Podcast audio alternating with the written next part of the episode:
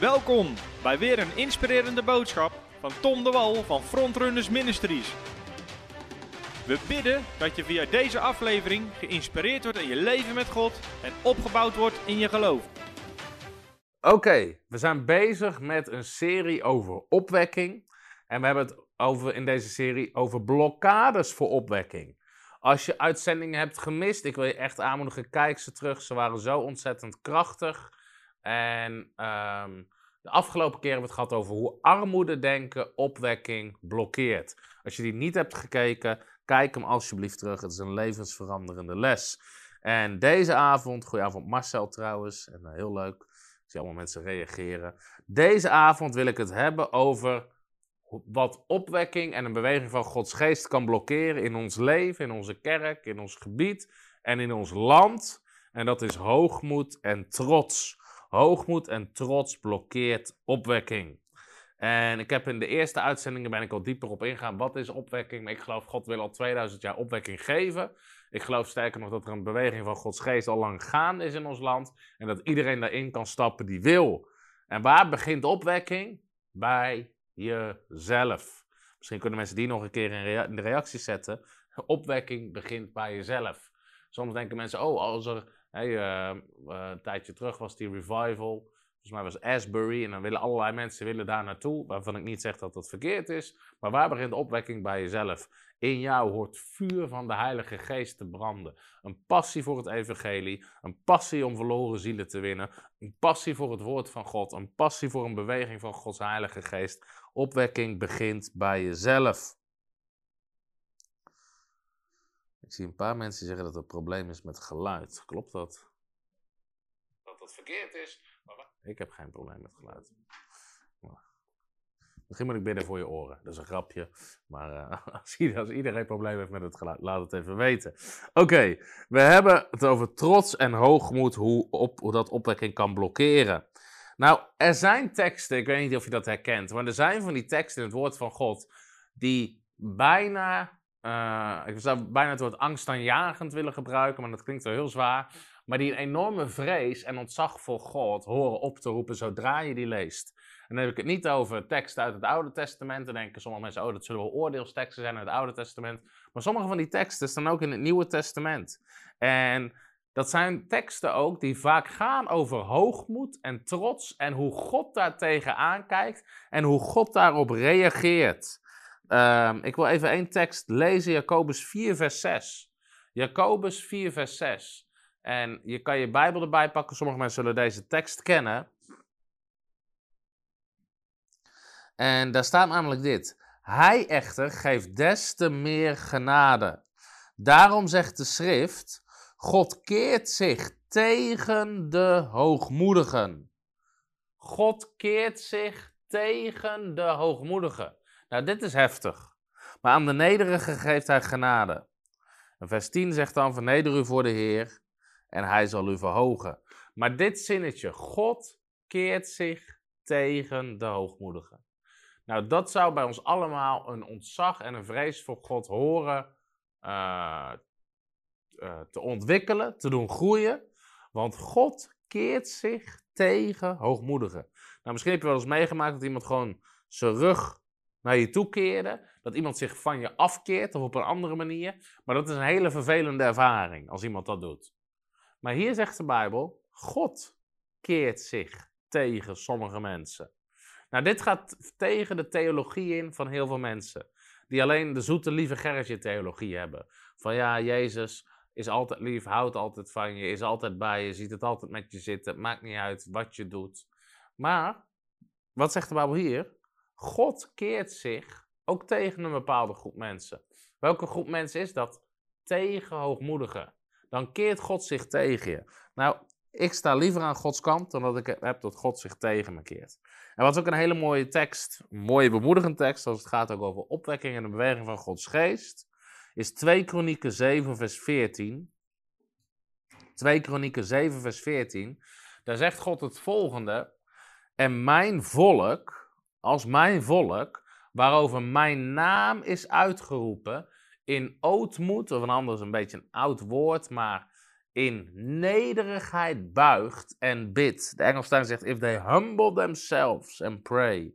Ze mijn aangezicht zoeken en ze zich bekeren van hun slechte wegen, dan zal ik hun vanuit de hemel horen, hun zonde vergeven en hun land genezen.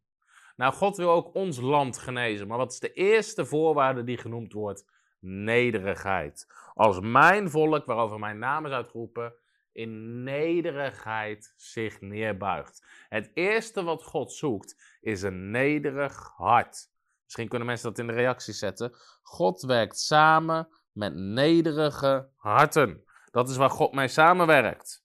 En ik wil eens even dieper ingaan op wat is hoogmoed en trots en wat is nederigheid. En daarna kijken wat zegt de Bijbel hierover en wat zijn bijbelse voorbeelden, hoe dat opwekking tegenhoudt en wat kunnen wij daarvan leren, ook voor Nederland. En ik ga het proberen om kort en krachtig te doen. Nou, wat is hoogmoed? Ik heb er een aantal woorden voor. Wat is hoogmoed? Nou, sowieso is hoogmoed en trots is altijd gericht op jezelf. En de eerste definitie, die vond ik eigenlijk meteen heel mooi. Trots is de eer voor onszelf nemen, die eigenlijk voor God bedoeld is. Misschien kan iemand dat ook in de reactie zetten. Trots is de eer voor onszelf nemen, die eigenlijk voor God bedoeld is. En het kan zijn dat we zeggen, ja, maar dit heb ik heel goed gedaan. Of dit heb ik, ik, ik, jij staat centraal. En eer die eigenlijk God toekomt, nemen we voor onszelf. Maar de Bijbel zegt dat God deelt zijn heerlijkheid met niemand. Een ander woord voor, of ander iets wat met trots en hoogmoed te maken heeft, is zelfaanbidding. Jezelf aanbidden. Je bent jezelf aan het verhogen. Je bent jezelf, vind je geweldig. En jezelf probeer je naar voren te duwen en omhoog te duwen. Dat heeft ook te maken met hoogmoed. Wat ook hoogmoed is, is het beter weten dan God. Beter weten dan God. Jezelf overschatten en eigen wijsheid. Daar zijn heel veel Nederlanders heel goed in. Eigen wijsheid. Maar als jouw eigen wijsheid tegen Gods woord ingaat, nou, dan is het helemaal geen wijsheid. Dan is het dwaasheid. Dwaasheid. Ik ga er straks nog wat voorbeelden van geven. Wat is nog meer hoogmoed, is jezelf niet afhankelijk van God opstellen. God verlangt ernaar dat wij afhankelijk van Hem leven. Ons leven in afhankelijkheid van Hem. Wat betekent dat? Uh, dat betekent dat uh, niet dat je zegt, nou ik heb niks, ik kan niks, ik zal nooit niks worden. Nee, maar dat je je leven, maakt niet uit wat je hebt, wie je bent of wat je kan, natuurlijke. Dat je zegt, Heer, wat is uw wil? Wat is uw wil voor mijn leven? En dat je jezelf niet te goed voelt voor bepaalde dingen. Of dat je je eigen plan trekt. Dat is allemaal hoogmoed. Je eigen plan trekken. De trots van het leven. De pride of life. Nee, jezelf, je stelt jezelf afhankelijk. Daarom bidden we en vasten we. Aan het begin van het jaar. 21 dagen. Heer, eh, en dat zijn dagen waarin we God zoeken, eh, voor Gods aangezicht liggen en zeggen, Heer, zeg het maar, wat wilt u dat we doen? En we luisteren naar God. Nou, soms zeggen mensen, maar hoe weet je nou precies waar, hè, wat is het plan van God? Maar voor mij is dat een hele belangrijke sleutel. Hoe weet ik de rest van het jaar dat ik in Gods plan wandel? Omdat ik het begin van het jaar begin met 21 dagen God zoeken. En als God wil dat we iets stoppen, stoppen we het. Als God wil dat we iets gaan doen, doen we het. We luisteren naar wat God zegt. Ook deze keer met bidden en vasten heeft God dingen gesproken die niet bij mij zelf van nature op zouden komen. Maar we stellen ons afhankelijk op. We zijn hier niet om onze wil te doen. We zijn er om Gods wil te doen. En dat geldt als het goed is voor iedereen, iedere christen. Dus je stelt jezelf afhankelijk van God op. Alles wat we hebben, hebben we ontvangen van God. Wat hebt u dat u niet hebt ontvangen, zegt Paulus in 1 Korinthe 4, vers 7. Wat hebt u wat u niet hebt ontvangen? Alles wat we hebben, hebben we eigenlijk ontvangen van God. En het is dankzij Gods genade dat we dingen mogen doen. Oké, dus dat is eventjes over wat is hoogmoed. Trots en eer voor onszelf nemen, die eigenlijk voor God bedoeld is. Zelfaanbidding, jezelf verhogen. Beter weten dan God. Jezelf niet afhankelijk van God opstellen. En dan hebben we het ook over vooringenomen. Kan ook heel enorm vooringenomen of arrogant zijn. Maar wat is nederigheid? Want de Bijbel zegt, God keert zich tegen de hoogmoedigen, maar aan de nederige gegeeft hij genade.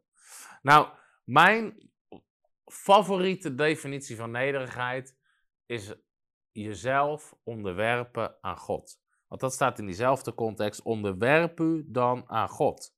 Onderwerp u aan God. Uh, nou goed, dat, dat staat daarvoor. Maar onderwerp u aan God.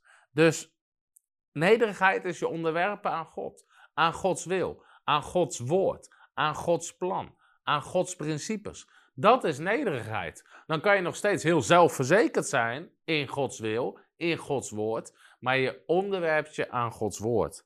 Dus nederigheid is niet minder van jezelf denken. Dat denken sommige mensen. Oh, ik ben heel nederig. Ik zeg maar, ik heb niks. Ik kan niks. Ik zal nooit wat worden. Nee, dat is niet nederig. Want dat gaat tegen Gods woord in. Gods woord zegt, je bent een kind van God. Je bent vervuld met de Heilige Geest. Je hebt de gaven van de Geest. Je hebt de zegen van Abraham. Dus ik heb niks, ik kan niet. Dat is niet, dat is niet nederig. Nee, nederig zijn is jezelf onderwerpen aan God. Nederigheid is jezelf afhankelijk opstellen van God. En dat betekent ook dat als God iets spreekt wat je misschien minder leuk vindt om te doen, dat je dat ook doet. Nederigheid is God de eer geven. Nederigheid is God de eer geven. Oké, ik heb even een paar teksten voor je over wat God zegt over hoogmoed. En dit zijn best wel schokkende dingen. En even een paar principes. Volgens mij zijn het er ja, drie.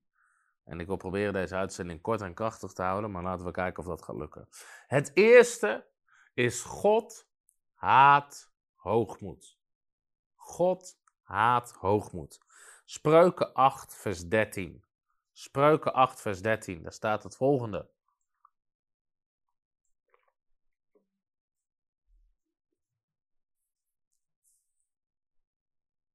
Iemand zegt het woord trots komt niet voor in het Nieuwe Testament. Dat is niet waar. Spreuken 8, vers 13. De vrezen des Heren is het kwade haten. Hoogmoed, trots en de verkeerde weg en een mond vol verderfelijke dingen haat ik. God haat hoogmoed. God haat trots. En als God het haat, zouden wij het ook moeten haten. Wij mogen haten wat God haat. Sommigen zeggen, je mag niet haten. Jawel, je mag haten wat God haat. Spreuken 16, vers 5 zegt ook het volgende. Ook, daar hebben we zien een ander woord voor hoogmoed. Al wie hooghartig is, hooghartig, is voor de Heere een gruwel. Al wie hooghartig is, is voor de Heere een gruwel hand op hand. Hij zal niet voor onschuldig gehouden worden. Nou, dit zijn teksten die zouden ons wakker moeten schudden. Als het trots of hoogmoed is in ons leven. God haat trots en hoogmoed. Het is een gruwel voor God. Ik wil niet leven in mijn leven met iets wat een gruwel is voor God. En daarom is het goed ook om jezelf nederig op te stellen. Ook met bidden en vasten. En gewoon zeggen, Heer, wat zijn dingen die u wilt dat ik verander? Welke gebieden van mijn leven moet ik veranderen? Corrigeer me. Nummer twee waarschuwt de Bijbel ons dat hoogmoed komt voor de val. Er zijn een aantal teksten over. Laten we even een paar in spreuken. Spreuken 11, vers 2. Daar zegt, weer een ander woord voor hoogmoed, net al wel hooghartig, maar hier staat, komt overmoed, dan komt ook de schande. Dus wanneer mensen overmoedig zijn, eigenlijk ook hoogmoedig, dan komt ook schande. Maar bij de nederige is wijsheid. Dus altijd als we in overmoed terechtkomen, zal het eindigen in schande, want we kunnen het niet waarmaken. Spreuken 16, vers 18. Daar staat: trots komt voor de ondergang. Trots komt voor de ondergang. En hoogmoed komt voor de val. Zie je dat? Dat is een spreekwoord, kennen we nog steeds in Nederland. Maar trots komt voor de ondergang en hoogmoed komt voor de val. Spreuken 18, vers 12. Voor de ondergang verheft zich het mensenhart, maar nederigheid gaat voor de eer. Er zijn zoveel teksten over, nog eentje, Spreuken 29, vers 23. De hoogmoed van een mens zal hem vernederen, maar de nederige van geest zal eer vasthouden. De Bijbel onderwijst ons dus constant dit principe, dat hoogmoed komt voor de val. En daarom wil je ook niet met hoogmoedige mensen omgaan, omdat je weet, er komt een val. Er komt een val. Kijk maar naar de toren van Babel. Maar goed, dat is een ander verhaal. Nummer drie Hier heb ik al iets over gezegd in het begin. Dus wat hebben we gezien? God haat hoogmoed. Hoogmoed komt voor de val. Nummer drie, God keert zich tegen hoogmoedigen. Dat is de Jacobus 4, vers 6. God keert zich tegen de hoogmoedigen, maar aan de nederige geeft hij genade. En dan zegt vers 10, verneder u voor de Heer en hij zal u verhogen. Nou, dit is belangrijk om te zien. Dus God is niet tegen het verhogen van mensen. God is niet tegen het promoten van mensen. God is ook niet tegen het eren van mensen. Of tegen het respecteren van mensen. Daar is God allemaal niet tegen. Dat denken sommige Nederlanders weer. Weet je, nee, niemand mag, boven de, zeg maar, niemand mag zijn kop boven het maaiveld uitsteken. Niemand, weet je, we zijn allemaal maar gelijk. Nee, God kan de een vernederen en de ander kan God verhogen. God zit in de business van mensen verhogen. Maar Jezus zegt heel duidelijk in Matthäus 23, vers 12: Wie zichzelf zal verhogen, zal vernederd worden. Maar wie zichzelf zal vernederen, zal verhoogd worden. Dus als wij ons nederig opstellen, dan wil God wil ons juist verhogen, maar in nederigheid en afhankelijkheid aan Hem. Dus God keert zich tegen hoogmoedigen. Nou, nu wil ik even kijken naar bijbelse voorbeelden hiervan. Bijbelse voorbeelden. Hoe we zien dat hoogmoed en trots het plan van God of voor iemands leven of voor een land tegenwerken of voor opwekking. We hebben net al die tekst gelezen. Als mijn volk, waarover mijn naam is uitgeroepen, in nederigheid buigt en bidt, dan en mijn aangezicht zoeken en zich bekeren, dan zal ik hun land genezen. Dus God wil ons land genezen. God wil ons land herstellen, maar God vraagt nederigheid. Nederigheid. Nou, heel vaak, het kan zo zijn, dit is een grappig verhaal van een vriend van mij, maar die vertelde dat hij, uh, ze hadden hem gevraagd in de kerk voor het geluidsteam. En hij zei, nee, daar heb ik geen zin in, dat ga ik niet doen. En de week daarna stond hij tijdens de aanbidding. En er was een lied, uh, uh, zoiets van, Heer, ik, ik doe alles voor u. Zoiets stond hij Heer, ik doe alles voor u. En toen hoorde hij de stem van de Heilige Geest. Oh ja, doe dan het geluid. de week daarvoor had hij gezegd, nee, nee, dat is niks voor mij. Maar God wilde dat hij dat deed. En in ieder geval, hij stelde zich nederig op en hij ging het doen. Want God vroeg het van hem. Maar soms kunnen we ook, dat is even een grappig verhaal, maar weet je, soms, soms is de kerk, is, is soms zo. We kunnen heel vroom bidden, Heer, doe wat u wilt. En God zegt, oké, genees de zieken. Leg handen op zieken en ze zullen genezen. Nou, nee, nee, nee, dat ligt wat gevoelig in deze kerk, want we hebben ooit voor iemand gebeden en is niet overleden, er zit nu nog heel veel pijn. Weet je, we zeggen, Heer, doe wat u wil. Maar heel veel van wat God wil staat al lang opgeschreven.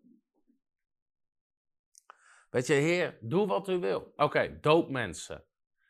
Ja, nee, nee, nee, wij doen, wij doen, de, wij doen de babydoop. Weet je, mensen, mensen zeggen wel, heer, eigenlijk bijna het gebed van iedere christen is, Heer, doe uw wil. Maar vervolgens doen we ook Gods wil. Heer, doe uw wil onder de mensen. Drijf demonen uit. Nou, nee, nee, nee dat, uh, dat doen wij niet in, uh, niet in de openbare samenkomst en ook niet in pastoraat. Want ja, weet je, uh, we moeten Gods wil gaan doen. Nederigheid is gewoon afhankelijk. Oké, Heer, als u het zegt, doen we het. Dat is nederig zijn. God wil ons land genezen, maar wij moeten ons nederig opstellen. Nou, laten we eens kijken naar Jesaja 14 vanaf vers 12. Want dit is een voorbeeld van hoe hoogmoed komt voor de val. En dit is een hele harde val. Want dit gaat over Lucifer die zichzelf wilde verhogen. Jezaja 14 vanaf vers 12. Daar staat het volgende. Hoe bent u uit de hemel gevallen, morgenster, zoon van de dageraad? U ligt geveld op de aarde, overwinnaar over de heidevolken. Let op, vers 13. En u zei in uw hart, let op wat er staat, ik zal opstijgen. Je zou de woordjes ik eens moeten tellen hier. Ik zal opstijgen. Ik zal mezelf verhogen naar de hemel. Tot boven Gods sterren, dat zijn Gods engelen, zal ik mijn troon verheffen. Ik ga mezelf verheffen boven de anderen. Zal ik weer mijn troon verheffen. Ik zal zetelen op de berg van ontmoeting van de aan de noordzijde. Ik zal opstijgen boven de wolkenhoogte. Ik zal mij gelijkstellen aan de Allerhoogste. Echter, u bent in het rijk van de dood neergestort. God sloeg de rebellie van Lucifer neer. Maar zie je wat er constant staat? U zei, ik zal, ik, ik, ik, ik. Ik zal opstijgen, ik zal me verheffen, ik zal me verhogen, ik zal boven de rest staan. Hoogmoed, trots. Dat was het probleem van Lucifer. Lucifer kon zich niet houden aan de positie die hij had gekregen, maar hij wilde zichzelf verheffen boven de engelen. Hij wilde zichzelf verheffen boven God en God sloeg hem neer. Hoogmoed komt voor de val. Hoogmoed was wat Lucifer van een aartsengel naar de Satan, de tegenstander, maakte. En dit leert ons iets als het gaat om ook posities. Misschien in, in de kerk of op je werk of waar dan ook. Laat God je promoten. Laat God je verhogen. Als christen zou je nooit aan ellebogenwerk moeten doen. Andere mensen naar beneden willen halen om zelf hoger op te komen. Slecht praten over anderen zodat ze jou beter vinden. Dat is niet hoe het koninkrijk van God werkt. Het is hoogmoed. Het is jezelf willen verhogen. Zelf plannen maken ten koste van anderen om hoger te komen. En het is hoogmoed. En hoogmoed komt voor de val. Hoogmoed komt voor de val. Dan een ander voorbeeld over hoogmoed, hoe het het werk van de Heilige Geest blokkeert. En we gaan even, nou, laten we zo meteen gaan met tekst lezen, Lucas 7. Maar dit voorbeeld is in de algemeenheid, ik vind een van de meest schrikbarende voorbeelden uit de Bijbel. Namelijk de reactie van de schriftgeleerden en die fariseeërs op Jezus. Wat was het probleem van de schriftgeleerden en de fariseeërs? Een van de dingen, ze waren trots en hoogmoedig. Jezus geeft ook dat voorbeeldgebed, dat hij staat te bidden. Heer, dank u dat ik niet ben zoals de rest. Dank u dat ik beter ben dan de rest. Nou, waarom is het verhaal van de schriftgeleerden en de fariseeën zo eng? Dit waren de mensen die, wij spreken, 24 uur per dag hun Bijbel zaten te bestuderen. Die aan het bidden waren in de tempel en de synagogen. Die hun hele leven hadden toegewijd om God te dienen. Die kenden letterlijk het hele Oude Testament uit hun hoofd. Ze kenden de, geschriften van haven tot God. Maar toen dezelfde God, waarover zij lazen, in de vorm van de Zoon, Jezus Christus, voor hun neus stond, en de profetieën die op iedere bladzijde staan, voor hun neus uitkwamen, herkenden ze het niet en verwierpen ze God en het plan van God voor hun leven. De mensen die heel de dag met hun neus in de Bijbel zaten, misten God toen hij voor hun neus stond. Jezus zegt ook in Johannes hoofdstuk 5: U onderzoekt de schriften, omdat u denkt daardoor eeuwig leven te hebben. Maar zij zijn het die van mij getuigen. Uit mijn hoofd is het vers 39 of vers 23. Ik weet het niet zeker. Maar Jezus zegt: Jullie onderzoeken de schriften. Je denkt dat je daardoor eeuwig leven hebt, maar ze getuigen over mij. Je zit er heel de dag in te lezen. En de schriftgeleerden en de fariseeën verwierpen God. Ze waren tegen Jezus. En dit gaat heel handelingen zo door. Als je, die, weet je, als je de verhalen ook in handelingen goed leest. Hoe de schriftgeleerden en de fariseeën vervolgens tegen de apostelen waren. Weet je, dat was een machtig werk van God. Tongen als van vuur, het geluid van een windvlaag. Ze spraken alle talen. Een verlamde man bij de poort ging weer, uh, uh, ging weer lopen. Een engel haalt ze uit de gevangenis.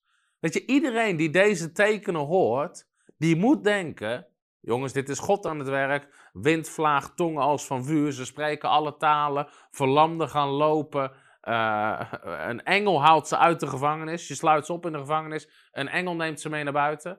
Iedereen bij zijn gezonde verstand zou denken: dit is Gods werk. Maar ze waren zo trots. Ze wilden het niet erkennen. En ze bleven tegen en tegen en tegen.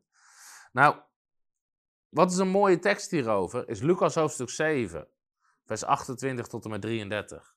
Nou, dit is niet alleen van toepassing op Israël. Dit, dit zou zo op Nederland kunnen zijn. Lucas 7 vanaf vers 28. Dan lezen we dit. Want ik zeg u, onder hen die uit vrouwen geboren zijn, is niemand een grotere profeet dan Johannes de Doper. Maar de minste in het koninkrijk van God is groter dan hij. En heel het volk dat naar hem luisterde. En de tollenaars, let op, het volk en de tollenaars werden met de doop van Johannes gedoopt en zij rechtvaardigden God. Let op, vers 30.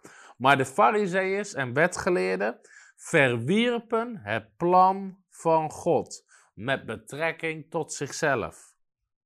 Nou, let op de leugen vandaag de dag in de kerk. Gods plan gebeurt toch wel. Nee, nee, nee. Zij verwierpen het plan van God met betrekking tot zichzelf, omdat ze niet door Hem gedoopt wilden worden. Ga ik zo meteen nog iets over zeggen. Ook een kenmerk van trots. Kijken wie jou aanstaat, of de persoon die God gebruikt jou aanstaat. Weet je, je kan altijd struikelen over mensen die God gebruikt.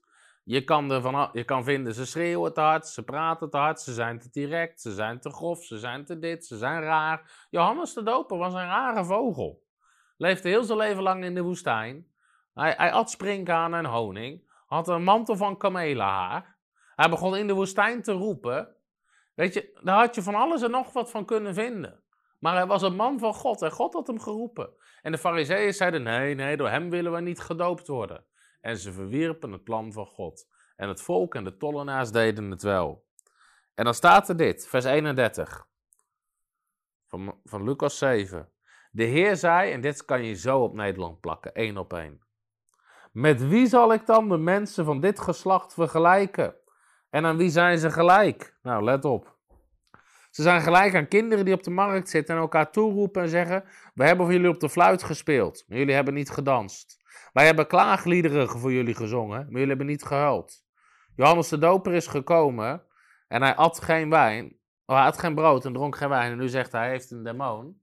En dan staat er, en de zoon des mensen is gekomen die wel at en dronk. En u zegt, zie daar een vraagzuchtig mens, een drinker en een vriend van tollenaars en zondaars. Weet je wat je hierbij kan zetten in je Bijbel? Het is nooit goed. Het is nooit goed. Weet je, dit is zo typisch voor Nederland. Het, je doet het nooit goed. Je doet het nooit goed. Spreek je over genezing, krijg je kritiek dat je niet over de eindtijd spreekt. Spreek je over de eindtijd, krijg je kritiek dat je dit niet doet. Doe je dit, krijg je kritiek dat je dat niet doet. Ben je vrolijk, krijg je kritiek dat het, uh, dat het niet serieus genoeg is. Ben je heel serieus, krijg je kritiek dat het te serieus is. Er is altijd iets. Bouw je een gebouw, hebben mensen kritiek. Hij bouwt een groot gebouw.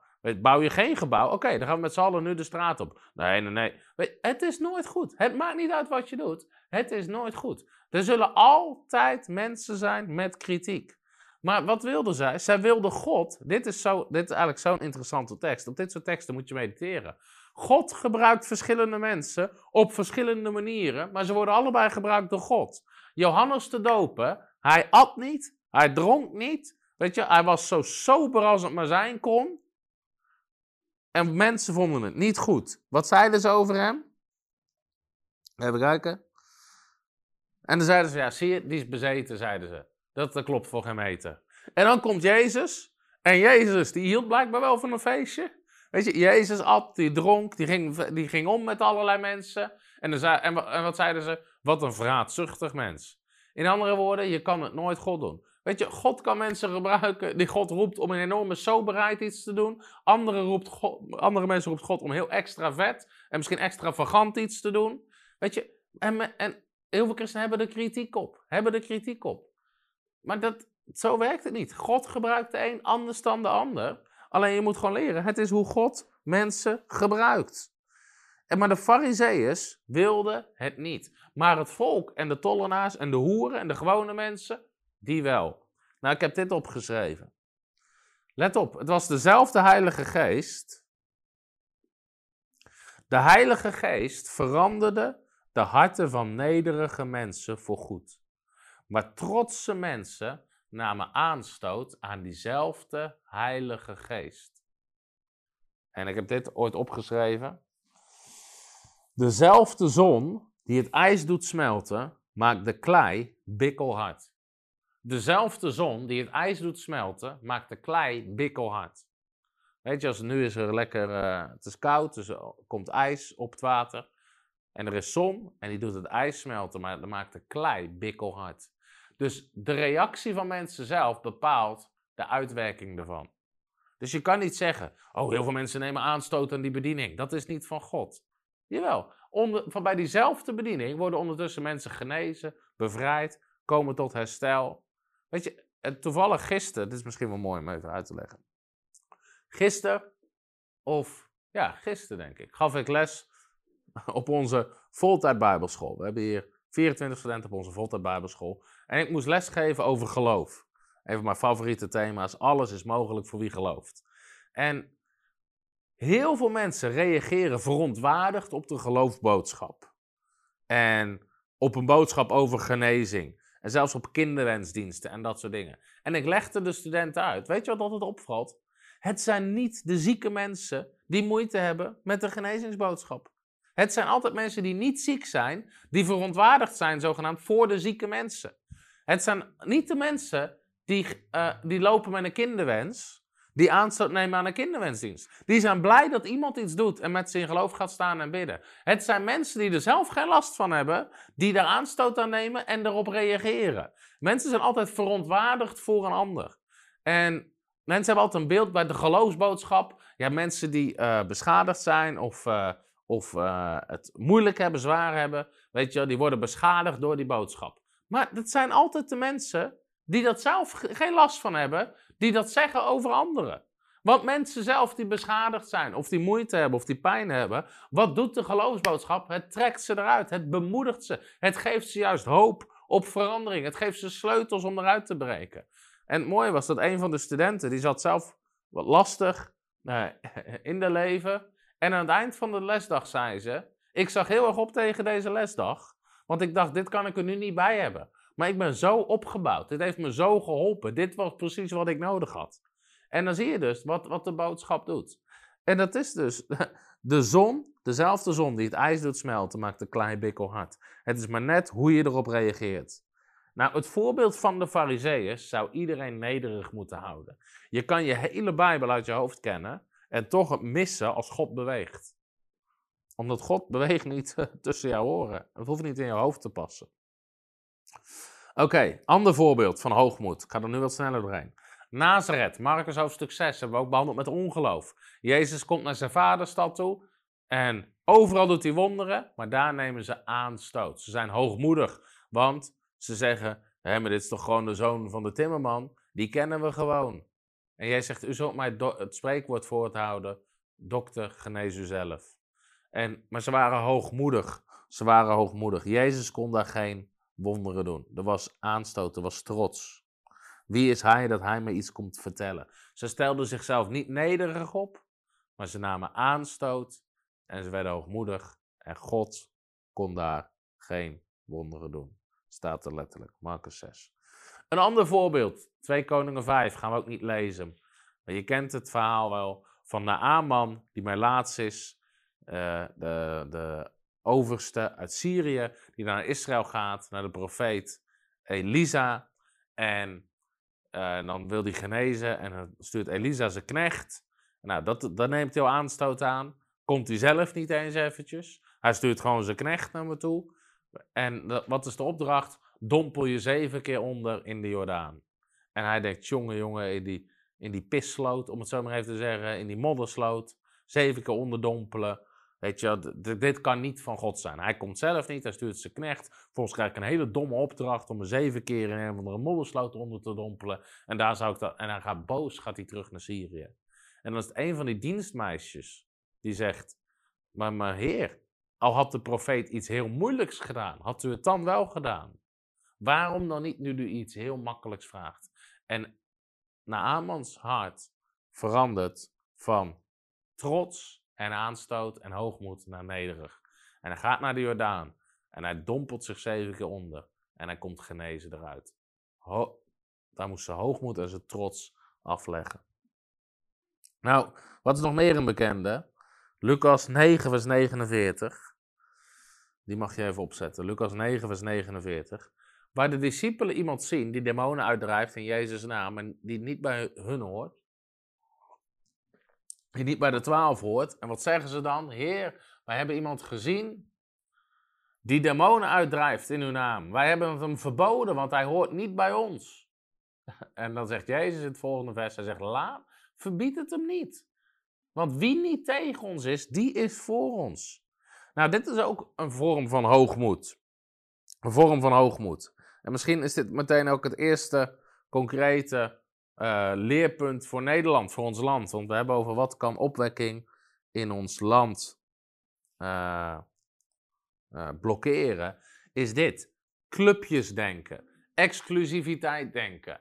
Wij zijn de enige ware kerk. Wij hebben het bij het rechte eind. Wij zijn de juiste stroming. God gaat het door ons heen doen. Nou, God wil het door jullie heen doen, maar ook door je buurman, door je buurvrouw, door die andere kerk, door die andere beweging. We zijn samen één lichaam van Christus. Maar deze discipelen, die kwamen iemand tegen, die hoorden niet bij hun clubje en die zeiden nee, nee, nee, nee, nee, dat mag niet. Ze zagen het als concurrentie. Nou, hoewel vandaag de dag heel veel mensen niet zullen zeggen van nou, nou, nou, dat mag niet. Hoewel dat je dat ook meemaakt.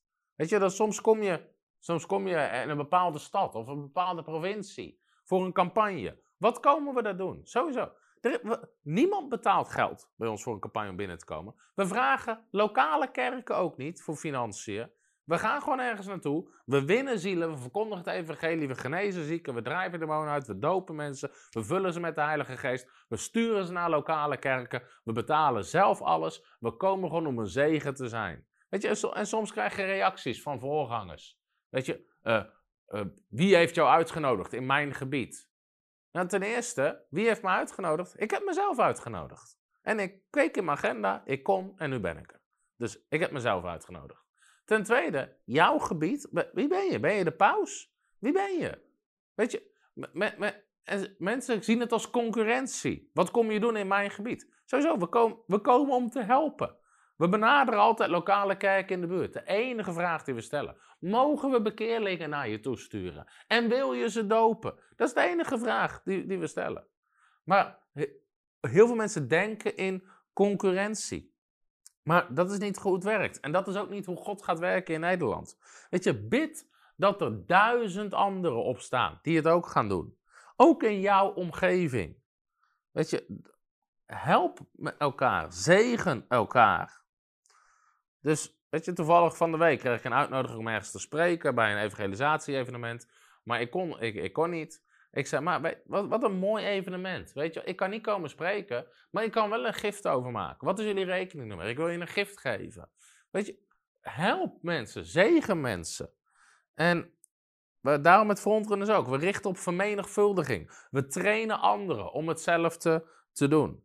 Weet je, ik sprak laatst een voorganger en uh, er was een nieuwe kerk aan het starten. We hadden ze een grote gift gegeven om die nieuwe kerk te starten. En ten eerste, dat hebben kerken al nooit meegemaakt. Dat iemand ze een grote gift geeft. Weet je, soms, here's a love offering. Nou, er is misschien heel veel love, maar heel weinig offering. maar we gaan ze een grote gift, zodat ze die hele kerk konden starten. Weet je, en ik zei, man, weet je wat, mijn part heb je 17 miljoen mensen in je kerk in Nederland. Weet je, prijs God, dat zou geweldig zijn. Weet je, en die voorganger reageerde van, hij zei, nou, zo zie je nooit andere kerken of bedieningen reageren omdat heel veel mensen denken in concurrentie. Maar ik meen het. Weet je, wat, wat, zou het een mooie dag zijn als zou die persoon 17 miljoen mensen in zijn kerk hebben, bij wijze van spreken. Als zou iedere Nederlander zitten. Prijs God, verhuizen we naar België, gaan we daar verder. Weet je, er is zoveel werk te doen. Er is zoveel werk te doen. We moeten elkaar helpen, zegenen, niet in exclusiviteit denken. Er is zo ontzettend veel te doen. We hadden een campagne staan in het noorden van Nederland, in Groningen. En toen bleek dat in datzelfde weekend, dat wij er een campagne zouden doen, dat een andere bediening daar een, uh, een hele grote locatie had gehuurd en ook een campagne wilde doen. Weet je, het eerste wat ik deed, is ik ging naar, uh, ik ging naar uh, ons team toe. Ik zei, hey, er, er, is iemand anders die ook een hele grote campagne in datzelfde weekend op dezelfde plek wil doen. Weet je wat wij gaan doen? Wij gaan helemaal naar de andere kant van Nederland toe. Weet je, toen zijn we, helemaal, toen zijn we naar Zeeland gegaan, hebben we daar een campagne gedaan. Waarom zouden we op precies dezelfde plek? Want je gaat ook niet. En wie was er eerst? Maakt niet uit. Als zij dat op hun hart hebben, doe dat. Ga wij daarheen. Overal zijn zielen te winnen. Overal zijn zielen te winnen.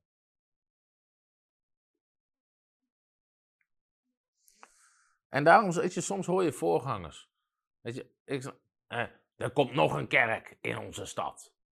Maat, al komen er nog duizend kerken in je. Sowieso een voorganger met 85 mensen in zijn kerk. En er komt nog een kerk in onze stad. Niemand heeft mijn toestemming gevraagd. Nee, niemand hoeft je toestemming te vragen. Ten eerste zitten er meer mensen op mijn verjaardag dan in jouw kerk. Ten tweede, wees blij. Zegen ze. Ga er naartoe. Geef ze een bos bloemen. Geef ze een gift van een paar duizend euro. En bedank ze. Bedankt dat jij ook dit gebied, wat God mij heeft gegeven, dat jij dat ook op je hart hebt. Dat je je daar ook voor in wil zetten. Dat je hier ook Gods woord komt preken. Dat je hier ook zielen komt winnen. Dat, man, hier heb je een gift. We willen je zegenen. Als we je kunnen helpen. Als we je kunnen samenwerken. Heb je alles al rond. Reageer. Dat is hoe het koninkrijk van God hoort te werken. Sowieso. Maar al heb je 100, 2, hoeveel mensen wonen er in je stad? 40.000, 50.000, 100.000. Hoeveel zitten er in je kerk? 100, 200, 300? Weet je, er zijn nog 49.900 mensen te bereiken in die stad. En dat ga je niet alleen redden. Je kan alle hulp gebruiken die je kan gebruiken. Wees dankbaar. Wees dankbaar. Geen exclusiviteit denken. Geen exclusiviteit denken. Stop met alles in hokjes te willen plaatsen. Had een paar mensen vrijgezet in de bediening en toen belde een voorganger mij op. En het zat in zijn omgeving. En hij zei, nee, ik ben er niet blij mee. Dit is wild vuur, wild vuur. Ik zei, man, ik heb liever wild vuur dan geen vuur. Waar maak je je zorgen over? Op de meeste plekken is geen vuur. Er is niet eens rook, er is helemaal niks. Laat het. Weet je wel, vuur, dat is een van de kenmerken van vuur. Dat het zich snel kan verspreiden. Laat het maar wild zijn. Ik heb liever wild vuur dan geen vuur. Iemand zegt yes naar België. Oké, Frida. Als, we, als die persoon 17 miljoen mensen is krijgt, kom ik naar België. Scheelt het nog in de belastingen trouwens. Maar goed, dat is een ander thema. In ieder geval, dat is even een praktisch voorbeeld. Ik wil nog een paar praktische voorbeelden geven voordat ik ga uh, afsluiten. Praktische voorbeelden van hoogmoed die ik zie in Nederland. Dus net heb ik het al gehad over exclusiviteitsdenken. Iets anders wat je heel veel ziet, is het beter weten dan God. Of aan Gods woord willen toevoegen. Zolang we ons. Ik ga je een paar voorbeelden geven en ik geef deze wel vaker. Maar nederigheid is gewoon jezelf onderwerpen aan God. Onderwerp je aan God, wees nederig aan God. Wat zie je? Weet je, je ziet bijvoorbeeld met de doop. Ik zie maar één ding in de Bijbel. Dat is mensen die tot geloof komen, direct dopen. Als jij iets anders kan vinden, laat het me zien. Maar als je het niet kan vinden, ga het dan doen. Ga het dan doen. Want we hebben allemaal, kunnen allerlei excuses hebben. Uh, ja, maar wij zijn uh, gewend om eerst een, uh, een cursus te geven. wij zijn eerst gewend. Dit, dit, verzin ik niet, maar er zijn Pinksterkerken in Nederland. waar je een cursus moet volgen van een jaar. Voordat ze voor je willen bidden. voor de doop in de Heilige Geest. En als je op die datum niet kan, van de laatste avond in het jaar, moet je een heel jaar opnieuw meedoen voordat je weer opnieuw. Weet je, je kan iemand in een minuut dopen in de Heilige Geest. We kunnen je dopen via de telefoon in de Heilige Geest. We kunnen op dit moment kan ik voor je bidden dat je vervuld wordt met de Heilige Geest. Weet je, leg, uiteindelijk, dat is gewoon niet wat Gods woord zegt. Hetzelfde over de waterdoop. Weet je, er was een, jongen die ik ken, die, die had mijn boekje gelezen, De kracht van de waterdoop. Hier ligt hij ook. En hij was er zo geraakt en hij begon, hij was ook jeugdleider, dus hij begon mensen te dopen, weet je wel. En toen, en toen weet je, zei de voorganger van ja, nee, nee, zo staan wij er niet in. Dit is ons doopdocument van de gemeente. Een doopdocument? Is dit niet genoeg? Hier staat het allemaal in. In ieder geval, in dat doopdocument, in dat doopboekje van die gemeente, stond letterlijk. In de Bijbel zien we dat iedereen die tot geloof komt, direct gedoopt wordt. Dat doen wij niet. Weet je, dit is hoogmoedig. Je zegt in de Bijbel staat dit, maar wij doen het niet zo. Wij denken dat we het beter weten. Wij denken dat het anders moet. Dat is hoogmoed. En het blokkeert gewoon wat God wil doen. Weet je, uh, uh, iemand anders vertelde over, in mijn boek, Bidden is ontvangen. Als je hem niet hebt gelezen, ik wil hem echt aanraden om hem te lezen. Het gaat over gebed en gebedsverhoring. Nou, ik laat zien dat het Gods wil is dat ieder gebed wat we bidden verhoord wordt. Ik heb dus voorin 20 teksten waarin staat dat ieder gebed, gewoon, dit, zijn, dit, is geen, dit is niet wat ik heb geschreven, dit zijn gewoon bijbelteksten. Matthäus 7, 7, bid en u zal gegeven worden. Vers 8, en ieder die bidt, ontvangt. Alles wat u in gebed vraagt, in geloof, zult u ontvangen. Wat het ook is, maar Vader in de hemel zal het laten gebeuren. Alles waarom jullie bidden en vragen, geloof dat je ontvangen hebt en je zal het krijgen. Wat u ook zult vragen in mijn naam, dat zal ik doen. Als u iets zult vragen in mijn naam, dat zal ik doen. Als u in mij blijft en mijn woorden in u blijven, vraag wat u maar wil en het zal u ten deel vallen. Op die dag zult u mij niets vragen. Voorwaar ik zeg u, alles wat u de Vader zult bidden in mijn naam, zal hij u geven. Weet je, constant, wat wij ook maar bidden, ontvangen wij. Twintig teksten waar staat dat God wil onze gebeden verhoren. Iemand ging hiermee naar zijn voorganger toe en die vertelde me dit. Die was zo geraakt door dit boek. Die ging, die ging alleen met die lijst met teksten naar die voorganger toe. Hij zegt, voorganger, moet je eens kijken wat de Bijbel ons belooft over gebed. En hij leest die teksten voor. En die voorganger zegt, ja, zo kun je dat lezen. Zo kun je dat lezen. Nou, als ik dat hoor, het is maar goed denk dan dat ik wedergeboren. Zo kun je dat lezen. Zo staat het er. Maar mensen, weet je, als jij denkt dat het anders zit, ja nee, dat staat er wel, maar zo lezen we het niet. Zo leggen we het niet uit. Wat is dat? Dat is hoogmoed. Dat is hoogmoed. Nou, we willen gewoon zo dicht mogelijk zijn, zitten bij wat het woord van God zegt. En het woord is eenvoudig. Ga het gewoon doen. Maar denk niet dat je het beter weet dan God. Oké, nummer twee. Dus, nee, sorry, nummer drie. Het eerste was exclusiviteitsdenken, hokjesdenken, wat, God, eh, wat, wat opwekking tegenhoudt. Nummer twee, beter weten dan God, aan Gods woord willen toevoegen. Nummer drie, het niet willen eren, ontvangen van mede-Nederlanders. Nou, dit is er eentje hoor. Het niet willen eren of ontvangen van mede-Nederlanders. Ik wil even een tekst lezen uit het Evangelie van Lucas. Ik ga hem even snel opzoeken, want ik heb hem niet in mijn aantekeningen staan. Ik denk dat het Lucas hoofdstuk 3 is. Ja, Lucas 3 vanaf vers 1. Misschien heb je deze tekst nog nooit zo gelezen. Maar daar staat het volgende. Net hebben we al die tekst gelezen hoe ze de schriftgeleerden niet gedoopt worden door Johannes de Doper. En hoe Johannes de Doper allerlei kritiek kreeg omdat hij zo beleefde. In het vijftiende jaar van de regering van keizer Tiberius, toen Pontius Pilatus stadhouder was over Judea, Herodes viervorst over Galilea en zijn broer Philippus viervorst over Iturea en over het land Trachonitis en Lycianias viervorst over Abilene. Nou, wat noemt dit op? Dit noemt eerst alle politieke belangrijke leiders op. Let op, dus we hebben alle belangrijke politieke leiders gehad, de seculiere leiders.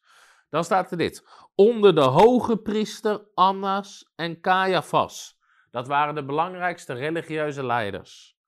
Geschiedde het woord van God tot Johannes, de zoon van Zacharias, in de woestijn. Eerst noemt het alle belangrijke uh, politieke leiders op. In het vijftiende jaar van de regering van de keizer. De keizer die was stadhouder, die was vorst. Toen was die hoge priester. Maar het woord van God kwam tot Johannes in de woestijn. God koos er niet voor om de belangrijke politieke leiders te gebruiken. God koos er niet voor, zelfs niet voor om de belangrijke religieuze leiders van die tijd te gebruiken. Die belangrijke religieuze posities hadden. God koos ervoor om een jongen in de woestijn te gebruiken. En God kiest wie die gebruikt. Misschien kunnen mensen dat in de reactie zetten. God kiest wie die gebruikt. Nou, en daarom zei ik, eerder kwam ik er ook al aan. Het is zo makkelijk om aanstoot te nemen. Mensen in deze tijd hadden kunnen zeggen: als God iemand zou gebruiken, dan zou het toch zeker Annas en Caiaphas zijn. Die zijn toch volgens de Bijbel, volgens de richtlijnen in Gods woord, de hoge priesters. Maar God gebruikte Johannes. God gebruikt wie die wil. En daar kunnen daar zo makkelijk aanstoot aan nemen. En dit zie je ook in Nederland. Wat zie je heel vaak gebeuren? Dat mensen, hier hebben Nederlanders misschien wel ieder volk wel een handje van als buitenlanders het hier komen vertellen, prediken, vinden we het helemaal geweldig. Maar als een Nederlander precies hetzelfde zegt, schieten we hem helemaal af. En dit zie je constant gebeuren. Weet je, als een Amerikaan dit zegt, weet je, dan komt er een belangrijke Amerikaanse prediker. Weet je, en de zalen zitten bomvol met duizenden mensen. Weet je, je zou letterlijk, je zou, je zou Amerikaanse sprekers hierheen kunnen halen, waar je hele stadions mee vol krijgt. Maar een Nederlander die precies hetzelfde zegt, weet je, daar, komen mensen amper naar luisteren. Weet je, ik, ik, weet nog en helemaal niks ten nadele van die predik, zal ik zijn naam niet noemen. Maar ik weet nog dat er een keer een Amerikaanse predik hierheen kwam, hele bekende naam, duizenden mensen kwamen. En, en ik weet nog dat zijn preek was, zo, was goed, was heel simpel, weet je. Hij begon, Mark 16 tells us that we can lay our hands on the sick and they shall be healed. En de hele zaal zat, Oh. Toen dacht ik, als een Nederlander dit zou zeggen. Marcus 16, vers 17 zegt dat we handen op zieken kunnen leggen, ze zullen genezen. Ja, ja. Weet die zou kritiek krijgen. En dit zie je constant, ook in Nederland. Mensen vinden buitenlandse genezingsbedieningen geweldig, maar Nederlandse genezingsbedieningen schieten we af. En dat is eigenlijk wat Jezus ook overkwam. Waardoor Jezus zegt, een profeet wordt in zijn eigen vaderstad niet zo snel geëerd. Nou, er is nog een tekst, misschien kunnen we die even, Lucas 11 vers 47. Lucas 11 vers 47. Daar zien we namelijk dit. Dit is ook iets wat een hele grote valkuil kan zijn in ons land. Daar zien we namelijk dat Jezus zegt het volgende over de schriftgeleerden en de fariseeërs. Wee u, want u bouwt de grafmonumenten voor de profeten. Dus zij bouwden hele mooie grafmonumenten voor de profeten. Voor Jezaja, voor Jeremia, voor de, allerlei profeten hadden ze heel veel ontzag voor. Voor Elia, voor Elisa. Maar, zegt Jezus, uw vaderen hebben hen gedood. In andere woorden, Jezus zegt, jullie hebben ze zelf gedood. Alleen nu, nu ze dood zijn, vind je ze prachtig. Nou, dat is ook in Nederland iets. Wil je in Nederland uh, soms zeggen ze wel wil je in Nederland eer krijgen, moet je eerst sterven. Maar, wat zie je heel vaak? Mensen vinden, als mensen eenmaal overleden zijn, vinden ze ze prachtig. Weet je, ik hoorde ook toen bijvoorbeeld Jan Zijlstra overleed. Hadden mensen ja, Jan Zijlstra, zo'n krachtige evangelist, zo mooi. Maar toen die leefde, wilden ze niet met hem associëren. Durfden ze niks met hem te doen. En dat was met heel veel anderen, is dat ook zo. Dat mensen vinden het nu fantastisch, geweldig, de verhalen van John G. Lake of Smith Wigglesworth met zijn grote geloof. Maar als je, eh, weet je wel, als je nu hetzelfde geloof predikt, krijg je kritiek. Het is confronterend, het is niet pastoraal, het is niet dit, het is niet dat. Weet je, mensen vinden Luther en Calvijn vinden ze helemaal geweldig. Maar dat waren de grootste rouwdouwers van hun tijd. Die tegen alles ingingen wat, wat, wat binnen de boekjes van de kerk stonden. Die werden uit de kerk gezet, werden vogelvrij verklaard. Werden, werden, weet je. En nu vinden mensen het geweldig, maar toen vonden ze het verschrikkelijk. En dat is, dat is constant een, een uh, tendens die je ziet. Is ook. Um, uh, ik heb bijvoorbeeld. Mensen, mensen vinden onze genezingsboodschap vinden mensen heel confronterend, heel heftig. Ja, weet je, dat kan niet, kan je niet zo prediken, dit hoort niet. Krijg je heel veel kritiek op. Bijvoorbeeld mijn boek, God geneest altijd. Nou, de meeste, maar veel voorgangers hebben hier heel veel moeite mee. En ik zal geen namen noemen, maar er zijn hele denominaties bij ons geweest, de vertegenwoordigers van die denominaties, om te vragen bijvoorbeeld of we alsjeblieft geen lid willen worden. Nou, we waren het ook niet van plan. Maar Weet je, zeggen, nee, nee, nee, weet je, hier kunnen wij niet achter staan. Maar dit soortzelfde denominaties vinden bepaalde mensen uit het verleden helemaal geweldig, die precies hetzelfde predikten. En nu ze dood zijn, vinden ze ze prachtig. Kijk, een bekend voorbeeld in ons land is T.L. Osborne. Mensen, zeker uit de Pinkster, evangelische beweging, die, die, die, die zwijmelen helemaal weg bij T.L. Osborne. En T.L. Osborne was een grote man van God, waar ik heel veel respect voor heb. Weet je, Theo Osborne, Malieveld, Den Haag, weet je, opwekking in Nederland, honderdduizend mensen. Weet je, ja, dat is mooi. Naar die tijd willen we terug. Theo Osborne is knetterradicaal in genezing. Ik heb hier zijn boek gepakt als voorbeeld. Een van mijn lievelingsboeken over genezing. Healing the Sick van T.L. Osborne. Nou, T.L. Osborne, al die mensen die wegzwijmelen bij, bij, bij T.L. Osborne. T.L. Osborne onderwijst exact hetzelfde als ik doe over genezing. Maar T.L. Osborne vinden ze geweldig, want die is dood. En als je nu vandaag de dag hetzelfde predikt.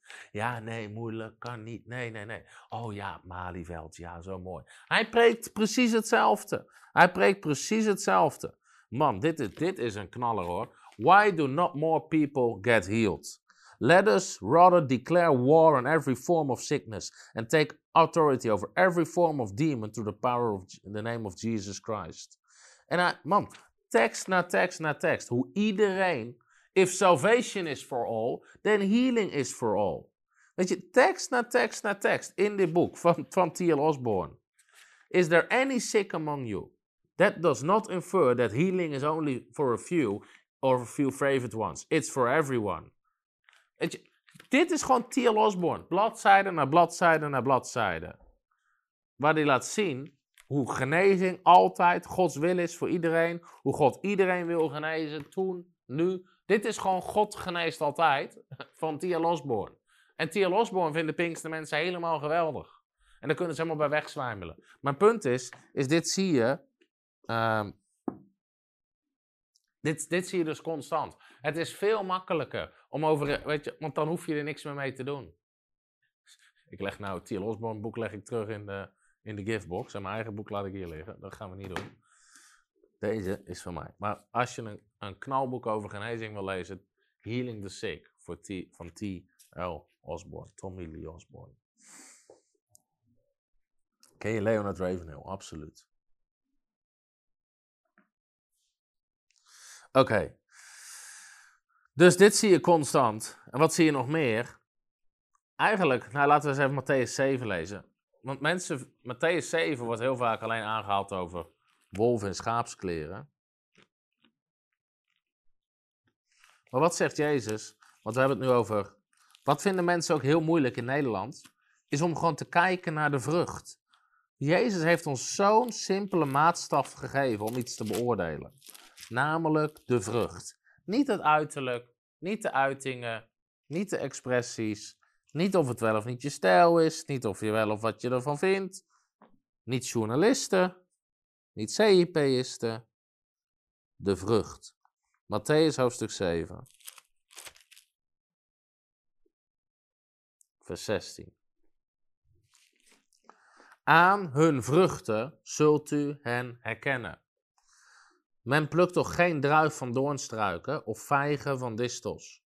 Let op. Zo brengt iedere goede boom goede vruchten voort.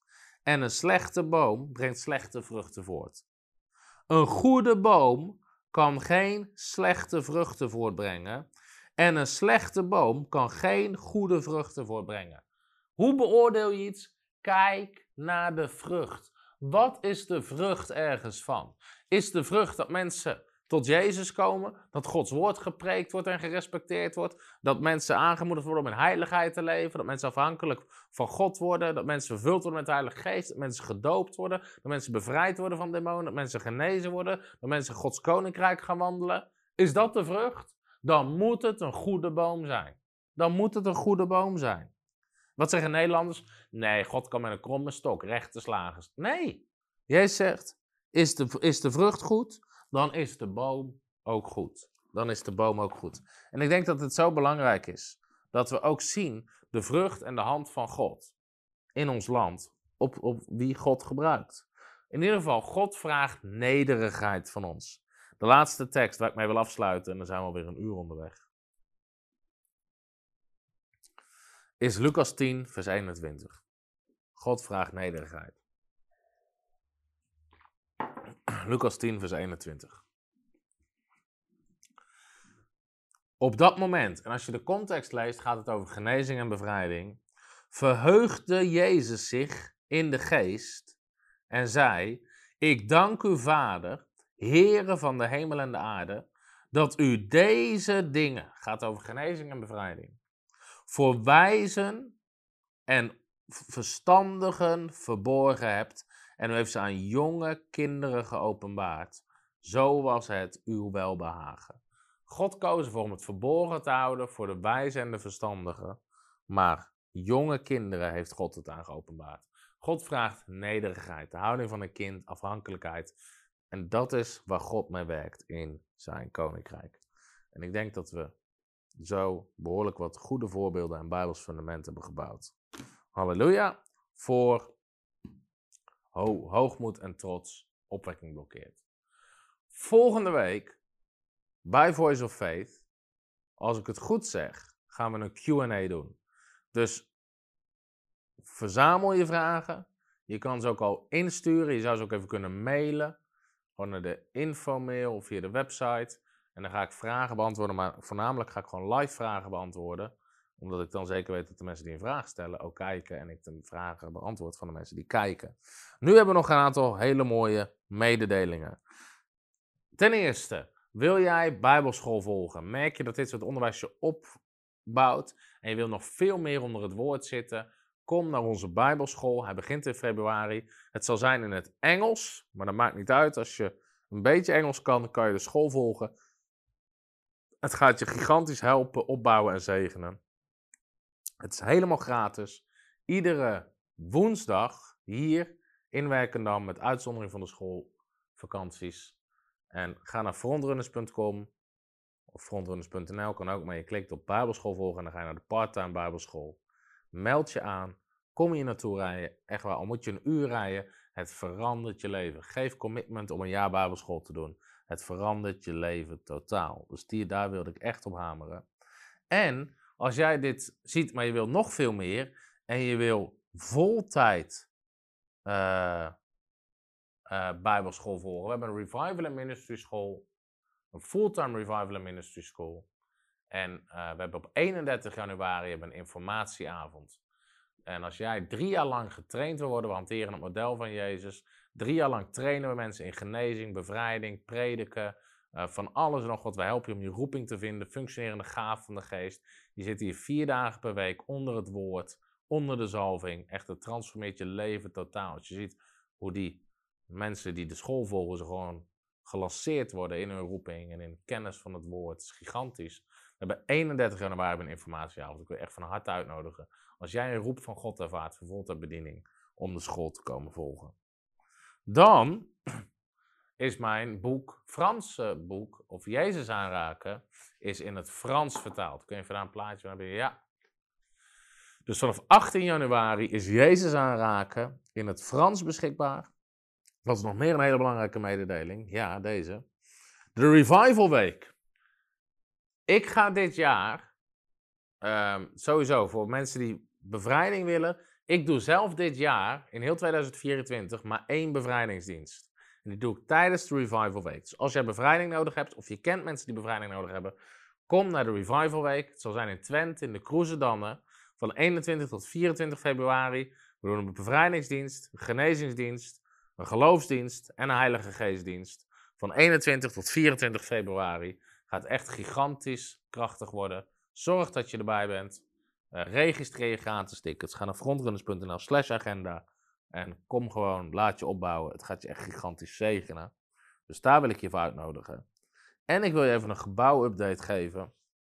En daarna gaan we de partnerpromo kijken. Wil ik je hartelijk bedanken voor het kijken. Maar uh, zoals jullie weten zijn we bezig met een nieuw gebouw. Ik wil ook iedereen vragen om het mee te nemen in gebed. Ook de vergunning aanvragen en alles wat we aan het doen zijn. En we, gaan, we hebben het per fase opgedeeld. En we zijn nu bezig en hij mag in beeld komen, het plaatje. We zijn nu bezig met de bouw van de video- en audiostudio's. Nog niet bezig met de bouw, maar wel met het, uh, uh, met het geld daarvoor. En er is al, voor dat deel hebben we een miljoen nodig. Het is niet per se zo dat de video-studio, dat studio's 1 miljoen kosten. Maar we hebben het hele project opgedeeld in stukken van een miljoen. Om het overzichtelijk te maken. En prijs God, misschien dat mensen kunnen emoji klappen. Er is van een miljoen in december Um, sinds dat we hiermee gestart zijn, tot nu toe, 703.000 euro gegeven voor dit deel van het project. Dat is de hand van God. Na de afgelopen Voice of Faith avonden, ook mensen die gewoon 10, 20.000 euro overmaken. Na het kijken van Voice of Faith. Dus we hebben 7 ton binnen van de miljoen voor deze fase. Dus we staan in geloof om in januari 3 ton erbij te doen. Dat we die miljoen binnen hebben en dan gaan we door naar de volgende fase. Dus ik wil jou ook van harte uitnodigen voor twee dingen. Ten eerste, als je nog niet gegeven hebt aan deze fase, om te geven, ga naar frontrunners.nl, maak een gift over. Misschien wil je uh, gewoon je jaar starten met geven, met een gift. En als je nog geen partner bent, partner met ons in 2024 en de komende jaren. Ik ga je zo meteen een Revival Partner video laten zien. Maar partner met ons, help ons om nog veel meer mensen te bereiken. In Nederland we hebben ontzettend veel op de planning staan voor dit jaar. Ik heb er zin in. We gaan ook naar Duitsland toe. Uh, de boeken naar het Frans, in het Pools. Uh, we zijn met allerlei talen zijn we bezig. En we gaan gewoon honderdduizenden mensen bereiken met het woord van God, met het evangelie. Dus als jij partner bent, is dat ook onderdeel van de vrucht op jouw leven. Dus ik wil je echt aanmoedigen om gewoon maandelijks te geven maandelijks partner te worden. Maandelijkse partners zijn een gigantische zegen. Als je er nog niet bent, word maandelijkse partner. Ga naar frontrunners.nl. Klik op partner worden, klik op geven. Dus of je kan eenmalig geven, je kan rechtstreeks overmaken op de rekening. Je kan ook je tiende geven. We hebben een aparte tiende rekening. Ehm, en je kan natuurlijk ook geven via Ideal op de website. En eh, we gaan afsluiten. Ik wil iedereen hartelijk bedanken voor het kijken. Hallo, Tom de Wol hier en bedankt dat je weer geluisterd hebt naar onze podcast. Ik bid dat het je geloof gebouwd heeft en je bemoedigd bent. Als je niet alleen een luisteraar van onze boodschap wil zijn, maar ook een verspreider daarvan, wil ik je uitnodigen om partner te worden van Frontrunners. Door jouw maandelijkse donatie help je ons om dit evangelie van Jezus Christus en het woord van God over heel de aarde te brengen. Om partner te worden, ga naar www.frontrunnersministries.nl slash partners en word partner. Hartelijk bedankt en tot snel. Heb je ook zo genoten van deze inspirerende boodschap van Tom de Wal? Abonneer je dan op deze podcast. Volg ons op Facebook en op Instagram en kijk op onze website frontrunnersministries.nl.